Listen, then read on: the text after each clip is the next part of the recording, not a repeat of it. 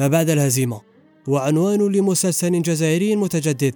بعد كل نكسة للمنتخب الوطني يصدر له موسم جديد.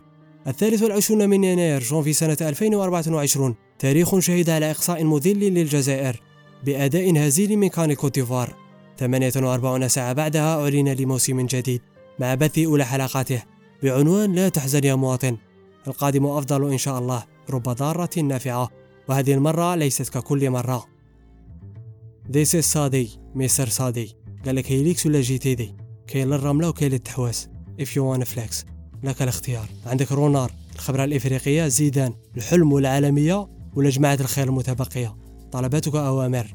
أنا هنا لتحقيقها من أجلك. حسنا. تحمست ولم أكن أرغب. مانيش باغي نطيح من العود. وكاع لا طحت مانيش باغي نطيح على راسي.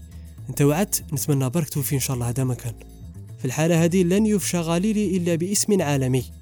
سو خليني نعيش دريم كول زيدان زين الدين. وخلي لي استشفى يجيك حل. يوم آخر حلقة أخرى. بعنوان سقوط الأقنعة. تأزم الوضع بمشهد درامي. شخص قلد برتبة وزير خان العهد برفضه التخلي عن حقوقه الغير مشروعة أخلاقيا ولم يرد الموفون الجميع تعجب. وماذا الآن؟ تسارع للأحداث. قابله نفاذ صبر الجمهور الرياضي. مرت السنوات تتارت النكسات وبعد كل نكسة نفس السيناريو يعاد. إنها مجرد البدايات. فماذا عن باقي الحلقات؟ عن نفسي أتمنى لكم متابعة شيقة. مني أنا أسامة باشكات. تحياتي.